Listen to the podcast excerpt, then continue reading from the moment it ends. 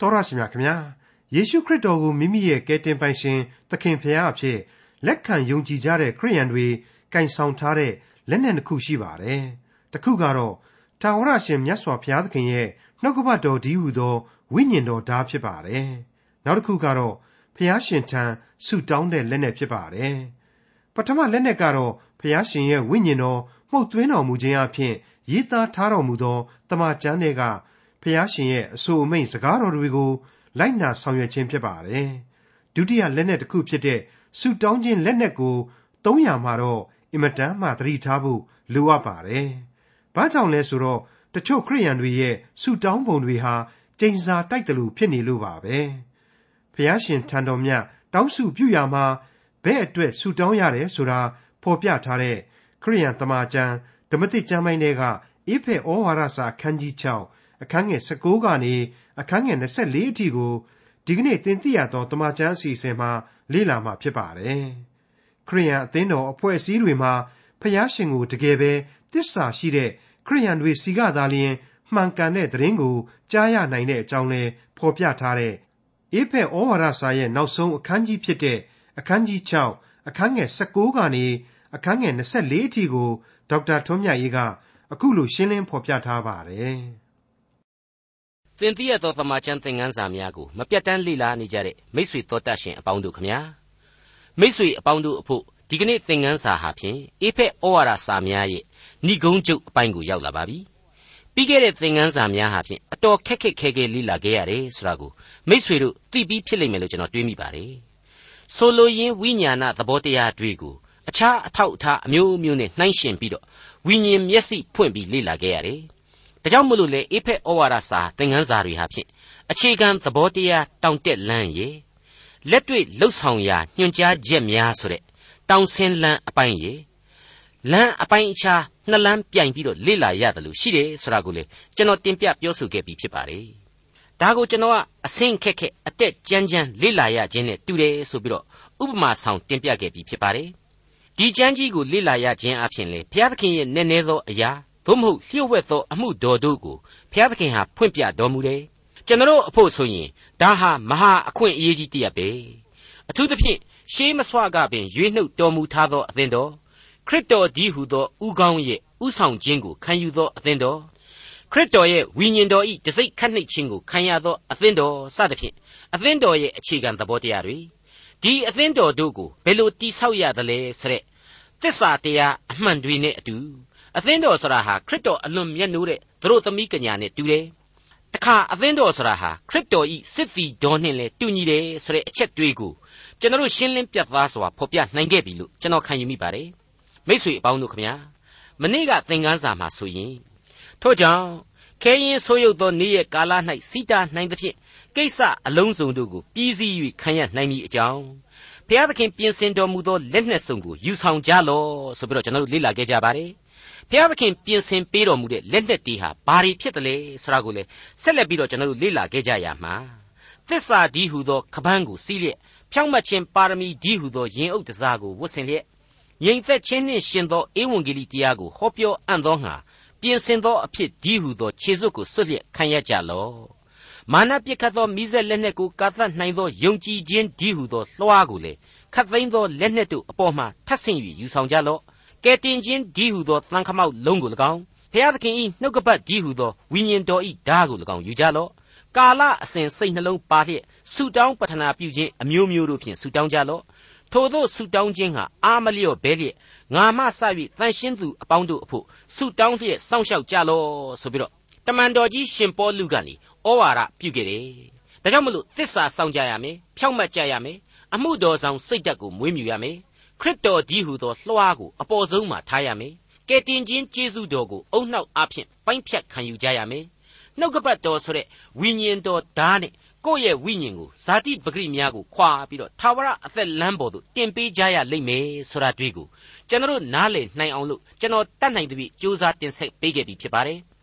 အဲ့ဒီလိုဘုရားသခင်ပေးသောလက်နှက်စုံကိုကျွန်တော်ယုံကြည်သူခရိယန်အပေါင်းတို့ဟာဆင်မြန်းပြီးတော့ ခရစ်တော်ဤစစ်တီတော်များအဖြစ်ဘဝအသက်တာခရီးမှာစာရမဏတ်ကိုတွန်းလှန်ဖြိုပြက်သွားကြရလိမ့်မယ်ဆိုတာဒီကိုကျွန်တော်ဖော်ပြခဲ့ပြီးလည်းဖြစ်ပါတယ်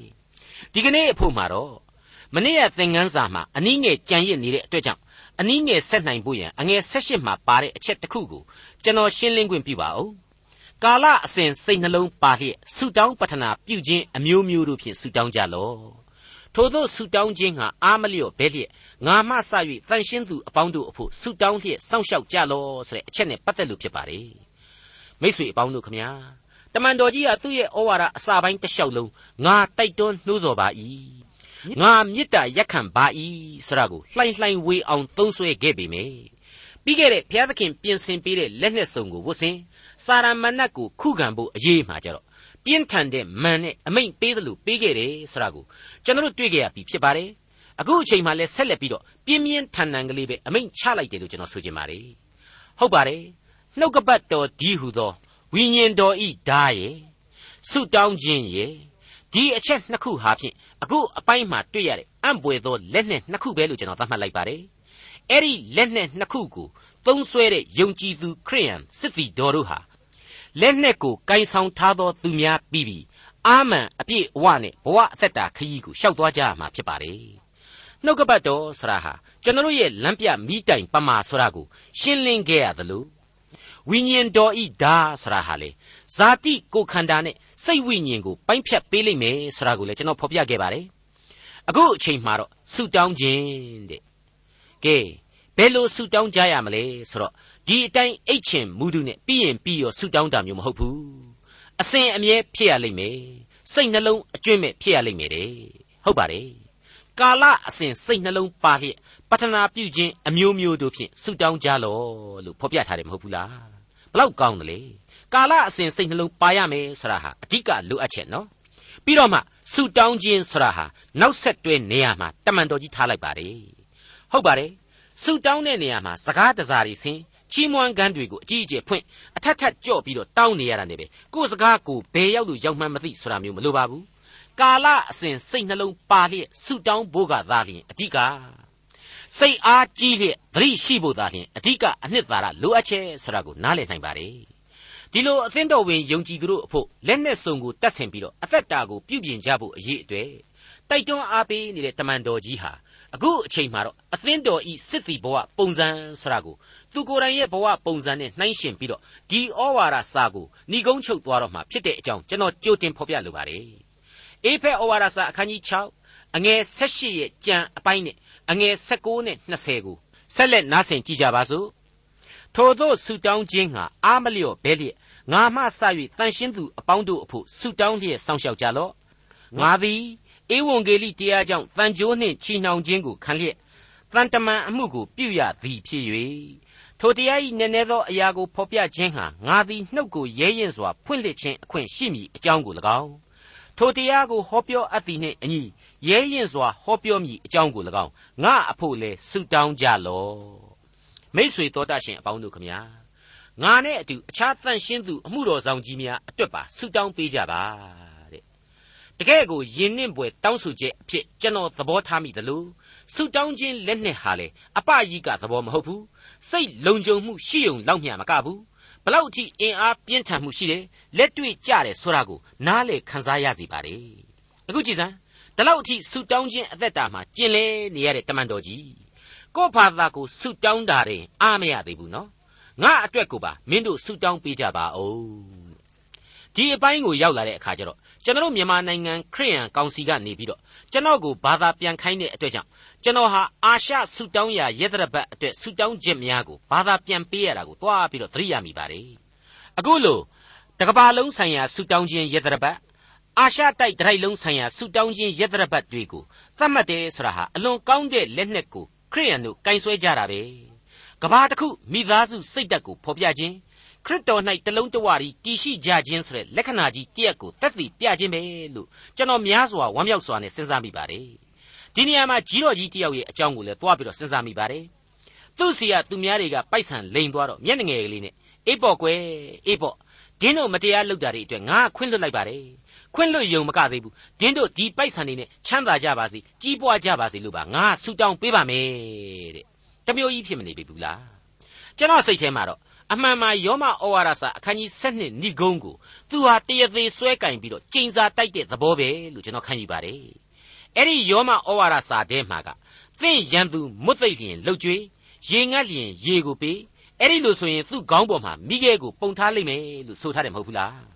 အဲ့ဒီတော့လူသားရဲ့ခံစားချက်ကလေးနဲ့နှွယ်ပြီးတော့ဒီကျမ်းကိုခံယူလိုက်တဲ့အချိန်မှကြတော့ ဒင်းတို့မတရားတာလုပ်တဲ့အကောင့်တွေကြည်ကြသေးတာပေါ့ဖះရိုက်လိုက်မယ်ဆိုတဲ့အစွဲနဲ့သူဟာဒီစုကိုတောင်းတာပဲသူဟာဒီအစွဲသူ့ရင်ထဲမှာခိုနေတဲ့အလျောက်ဒီလူတွေကိုကြိမ်စာတိုက်လိုက်တဲ့သဘောပါပဲနှုတ်ကပတ်တော်ဟာဘယ်တော့မှအဲ့ဒီလိုလူဗီဇအပြစ်အတွေးခေါ်ကိုအာမပေးပါဘူးရန်တုံနှင်းခြင်းကိုအာမပေးနိုင်ပါဘူးဆုတောင်းပါအသနာခံပြီးတော့ယင်ဖွင့်ပြပါစိတ်ကိုဖြေသိမ့်နိုင်ဖို့ခွန်အားယူပါသူများကိုသွားပြီးတော့ထိစီကောင်းရဲ့ဆိုတဲ့အတွေးမျိုးကိုရှောင်ပါ ဒင်းတို့ခေါင်းပေါ်မှာမိခဲ့မပုံပုံအောင်လို့ဒင်းတို့ကိုငါတမင်ခွင့်လွတ်ပေးလိုက်ပါတယ်ဆိုတဲ့စိတ်ဓာတ်မျိုးမမွေးမြူမိကြဖို့အထူးပဲအရေးကြီးတယ်လို့ကျွန်တော်ခံယူပါတယ်ကျွန်တော်ပြီးခဲ့တဲ့သင်ခန်းစာတွေမှာလည်းအထက်ထပ်ပြောခဲ့ပြီးပါပြီကို့မှာကအမှန်အပြစ်ရှိတာမဟုတ်ဘူးအပြစ်မရှိဘဲနဲ့ကိုကအချောက်တိုက်ခံရတဲ့အချိန်ကိုကိုစော်ကားမော်ကားလုပ်တဲ့လူကိုရဲ့ရန်သူအပေါ်မှာအပြစ်ရှိနေတဲ့လူရဲ့အပေါ်မှာအဲ့ဒီလူရဲ့ခေါင်းပေါ်ကိုမိခဲပုံစေဖို့ဆိုပြီးတော့ကိုကသွားလှုပ်လိုက်တော့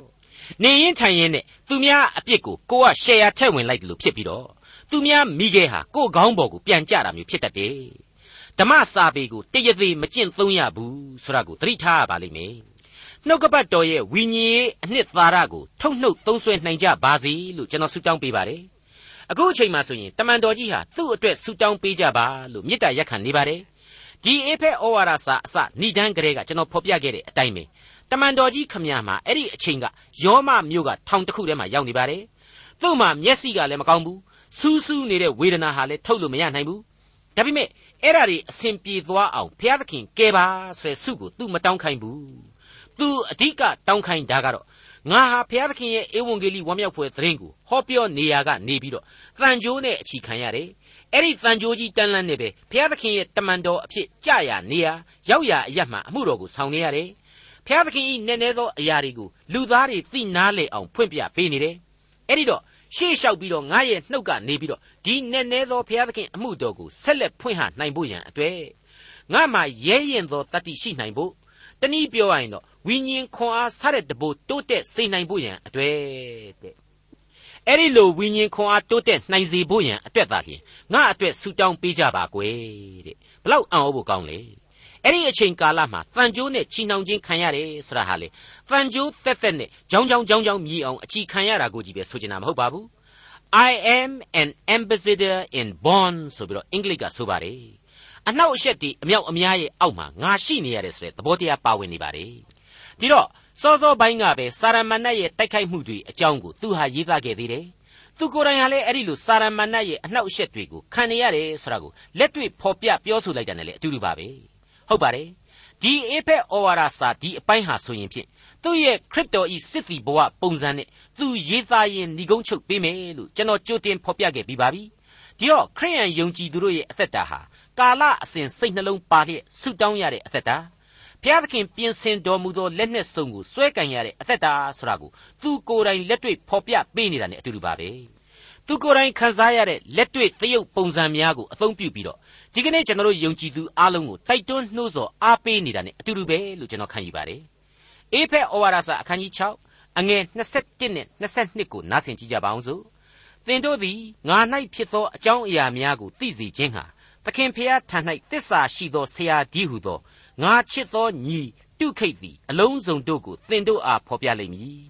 သင်တို့သည်ငါတို့၏အကြောင်းအရာများကိုသိမည်အကြောင်းနှင့်ထိုသူသည်သင်တို့စိတ်နှလုံးကိုသက်သာစေမည်အကြောင်း ထိုသူကိုသင်တို့စီသို့ငါစေလွှတ်၏အခုကြမ်းအတိုင်းတွေ့ရတဲ့တုခိတ်ဆိုတာဟာအေဖက်အသင်းတော်ကသင်းအုပ်ဆရာတပါးပါပဲဖြစ်ရပါလိမ့်မယ်ဒီပုဂ္ဂိုလ်ကြီးဟာတမန်တော်ကြီးရဲ့စေတမန်ဖြစ်တယ်လို့ဘုရားသခင်အပေါ်မှာတစ္ဆာရှိသောဆရာတပါးလည်းဖြစ်တယ်တဲ့ဟုတ်ပါတယ်တစ္ဆာဒီဟုသောခါးပန်းကိုစီးထားတဲ့အတွက်ကြောင့်ယောမအာနာပိုင်တွေနေကြားတက်တီကြားတဲ့ကနေပြီးတော့ဒီဩဝါဒစာကို သူဟာဘေးလွတ်လုံခြုံစွာနဲ့အေဖက်အသင်းတော်စီကိုဆောင်ယူလာနိုင်ခဲ့ပါတယ်လမ်းမှာဘောင်းဘီကျွတ်မကြခဲ့ပါဘူးအရှက်တကွဲအကျိုးနဲ့တွေမဖြစ်ခဲ့ပါဘူးဘိုးဒီဘတ်တီနဲ့လည်းထွက်မပြေးခဲ့ရပါဘူးအခုအဲ့ဒီဓမ္မဆရာတုခိတ်ကိုတမန်တော်ကြီးဟာဘလောက်ချစ်ခင်တယ်လဲဆိုရင်ငါချစ်သောညီဆိုပြီးတော့တင်စားလိုက်ပါတယ်အထက်ကကျမ်းတွေမှာဆိုရင်သားသမီးတို့ချစ်သားတို့ဆိုတဲ့အခေါ်အဝေါ်တွေအားဖြင့်လေခရစ်တော်အားဖြင့်လူသားတို့စိတ်ဓာတ်ဟာဘလောက်အထိမေတ္တာတရားနဲ့ပြေဝနိုင်တယ် ကဘာတစ်ခုမိသားစုဆိုတဲ့စိတ်ဓာတ်မျိုးမွေးမြူနိုင်တယ်သိမ်မွေ့နူးညံ့ခြင်းရှိရတယ်တူးရဲ့အကျိုးကိုတူးဘလောက်အထိလိုလားတယ်မေတ္တာထားနိုင်တယ်ဆိုတဲ့အချက်တွေကိုကျွန်တော်တို့တွေ့လာနိုင်ပါတယ်ပြီးတော့မှတခါတမန်တော်ကြီးရှင်ပေါလုကနေပြီးတော့ငါတို့ရဲ့အဖြစ်အပျက်တွေကိုအဲ့ဒီတုခိတ်ကနေပြီးတော့မင်းတို့ရဲ့စိတ်နှလုံးတွေသက်သာရာရစေနိုင်ဖို့ရန်ပြန်ပြောပြပါလိမ့်မယ်ကွယ်ဆိုပြီးတော့ဖော်ပြလိုက်ပြန်ပါတယ်မိတ်ဆွေပေါင်းတို့ ဒီအချက်တွေဟာတမန်တော်ကြီးနဲ့တကွရှေးသန့်ရှင်းသူတို့ရဲ့ဝိညာဉ်ရေးသတ္တိဒူးကိုမြင်ရစေတယ်လို့ကျွန်တော်ခံယူပါတယ်တကယ်တော့ထောင်ကျနေရတဲ့တမန်တော်ကြီးတွေ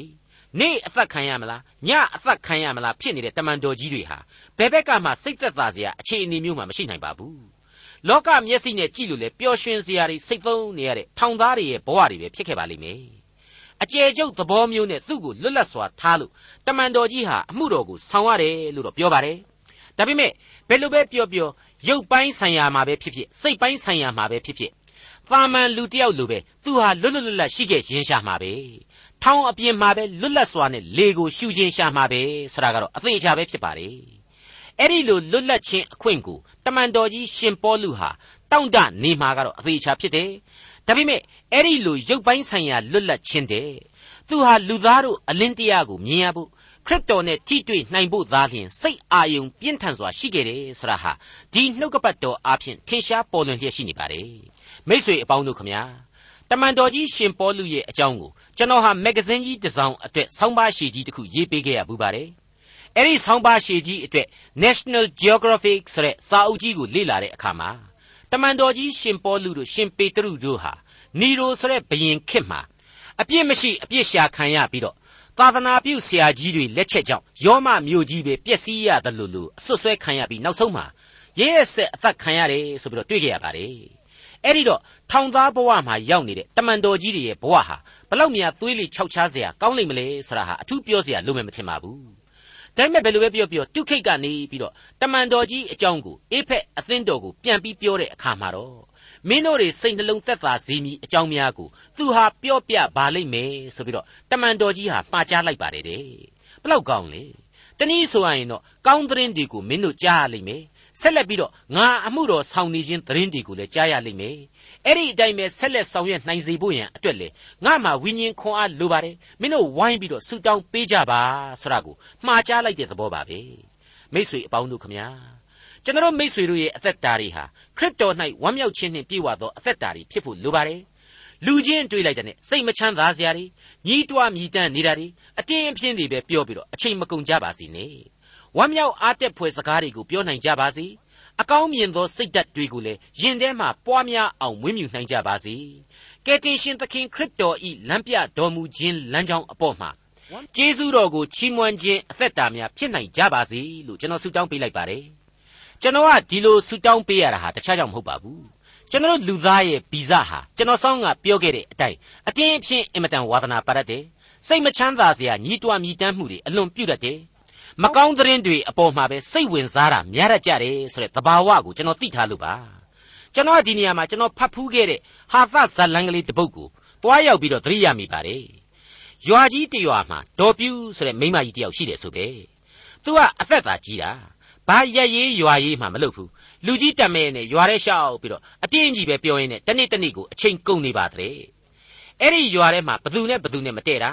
ရွာလူကြီးတွေဘာမဟုတ်တန်းတရားတွေလုပ်တာဘသူသမီးနဲ့ဘသူနဲ့လိုက်ပြေးတာဘသူတွေကြက်ခိုးပြီးတော့ကာလာသားဟင်းချက်စားကြတာထန်းတော်ထဲမှာဘသူတွေရိုက်ကြနှက်ကြတာစသဖြင့်စသဖြင့်ပေါ့အဲ့ဒါနဲ့ပဲအဲ့ဒီခေတ်တုန်းကရန်ကုန်နေစဉ်တို့ဗမာခေတ်နေစဉ်တို့ကြေးမုံနေစဉ်တို့ဆိုပြီးတော့သတင်းစာတွေရှိတယ်လို့ ဒေါ်ပြူးလာပြီဆိုရင်ရွာထဲကမဟုတ်တန်းတရားသတင်းတွေအကုန်လုံးကြားရနေကြမလို့တရွာလုံးကသူ့ကိုဝိုင်းပြီးတော့ဒေါ်ပြူးလို့ဘယ်သူမှမခေါ်တော့ဘူးပြူးနေစဉ်တဲ့သူမလို့လာပြီဆိုရင်လေလူငယ်တွေကပြူးနေစဉ်ကြီးတော့ကုန်းကုန်းကုန်းကုန်းနဲ့လာနေပြီဟဲ့အပြင်းပြေနားထောင်ရင်နားထောင်ကြသွားပြီးတော့မဝေဖန်ကြနဲ့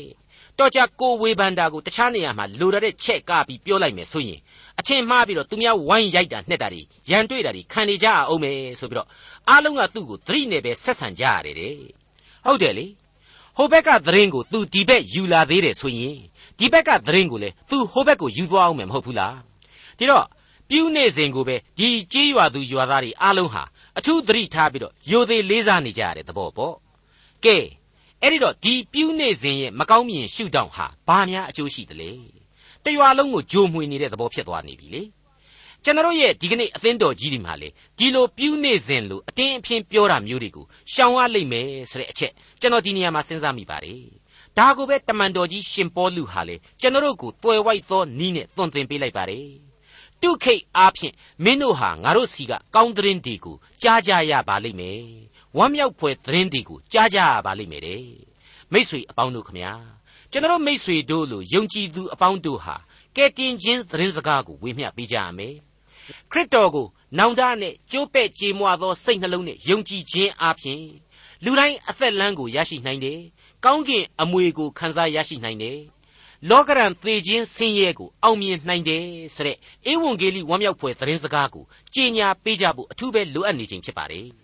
အဲဒီလိုအမှုတော်ကိုထမ်းဆောင်နေကြတဲ့ဧဝံဂေလိဓမ္မအမှုတော်ဆောင်ကြီးများအတွက်လေရုပ်ပိုင်းဆိုင်ရာအင်အားစိတ်ပိုင်းဆိုင်ရာအင်အားများပြည့်ဝနိုင်ဖို့ဆုတောင်းပေးဖို့လိုတယ်ကိုယ်တိုင်ပါဝင်ကူညီဆောင်ရွက်ဖို့လိုတယ်ကိုယ်တိုင်ဟာလည်းဒီသတင်းစကားကိုကြီးညာပေးနိုင်ဖို့ရန်အတွက်တမန်တော်ကြီးကနေပြီးတော့သူ့ရဲ့လက်တွေ့ဘဝသာရကအားဖြင့်ကျွန်တော်တို့ကိုတိုက်တွန်းအားပေးဩဝါဒပြုနေခြင်းပဲလို့ကျွန်တော်ဆိုချင်ပါတယ်မိတ်ဆွေတော်တတ်ရှင်အပေါင်းတို့ခမညာတမန်တော်ကြီးရှင်ပေါလုရဲ့အသက်တာဟာက နဦးအသင်းတော်ရဲ့သမိုင်းမှာပြန်ကြည့်လိုက်မယ်ဆိုရင်ကျွန်တော်အဖို့ရင်သိမ့်တုံပွဲကောင်းလောက်အောင်စွန့်စားကမ်းဝင်ခဲ့တဲ့ခရိယန်စစ်တီတော်တူရဲ့အသက်တာဆိုတာဟာရှင်းရှင်းကြီးမြင်ရပါတယ်မိษွေအပေါင်းတို့ကျွန်တော်မိษွေတို့အနေနဲ့ကတော့သူ့လောက်တော့အဆင့်မြင့်မြင့်ဖြစ်ချင်မှဖြစ်နိုင်မှာပေါ့ဒါပေမဲ့သူ့ရဲ့ဩဝါဒစကားများနဲ့အညီတော့ယုံကြည်သူများဖြစ်နိုင်တယ်ယုံကြည်သူတူးချင်းဖြစ်အောင်ကျွန်တော်တို့ကြိုးစားနိုင်တယ်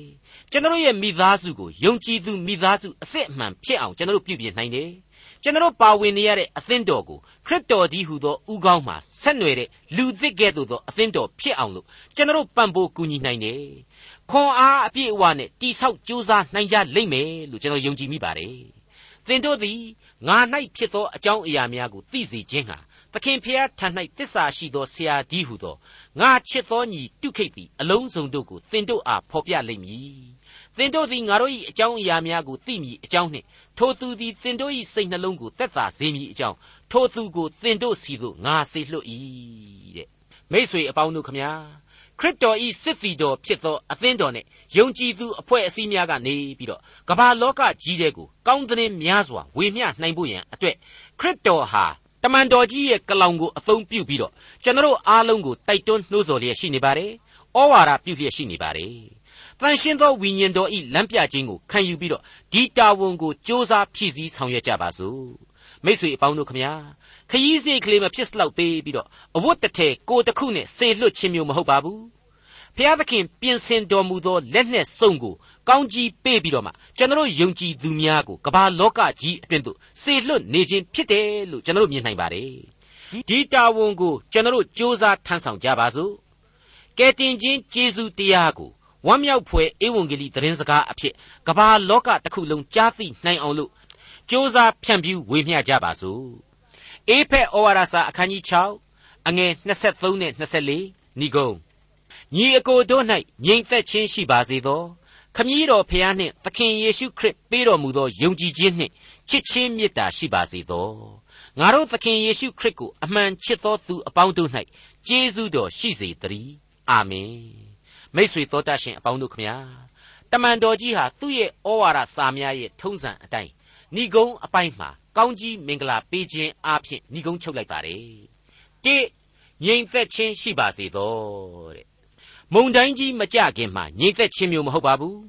စာရမဏတ်ဥဆောင်တဲ့ကဘာလောကရဲ့မုံတိုင်းမှွေနေတဲ့မိတို့အသက်တာအတွင်းကနေပြီးတော့ခရစ်တော်ဒီဟုသောအရေးကိုခိုလှုံခြင်းအပြင် ခရစ်တော်၌ယုံကြည်ခြင်းဒီဟုသောလွှာအားဖြင့်ဘေးလွတ်လုံခြုံ၍ငြိမ်သက်ခြင်းကိုဆိုလိုပါတယ်။အဲ့ဒီလိုငြိမ်သက်ခြင်းအခွင့်ကိုခံစားရပြီဆိုတဲ့အခါကျတော့မှခမည်းတော်ဖျားနှင့်သခင်ယေရှုခရစ်ပေးတော်မူသောယုံကြည်ခြင်းနှင့်ချစ်ခြင်းမေတ္တာယင်ထဲမှာအပြည့်အဝရှိနိုင်ကြပါစေတဲ့။ဟုတ်ပါတယ်။ဖျားသခင်ရဲ့ချစ်ခြင်းမေတ္တာတော်ကိုဝေမျှနိုင်ဖို့ရန်အတွက်ကိုယ်တိုင်ဟာချစ်ခြင်းမေတ္တာရှိရလိမ့်မယ်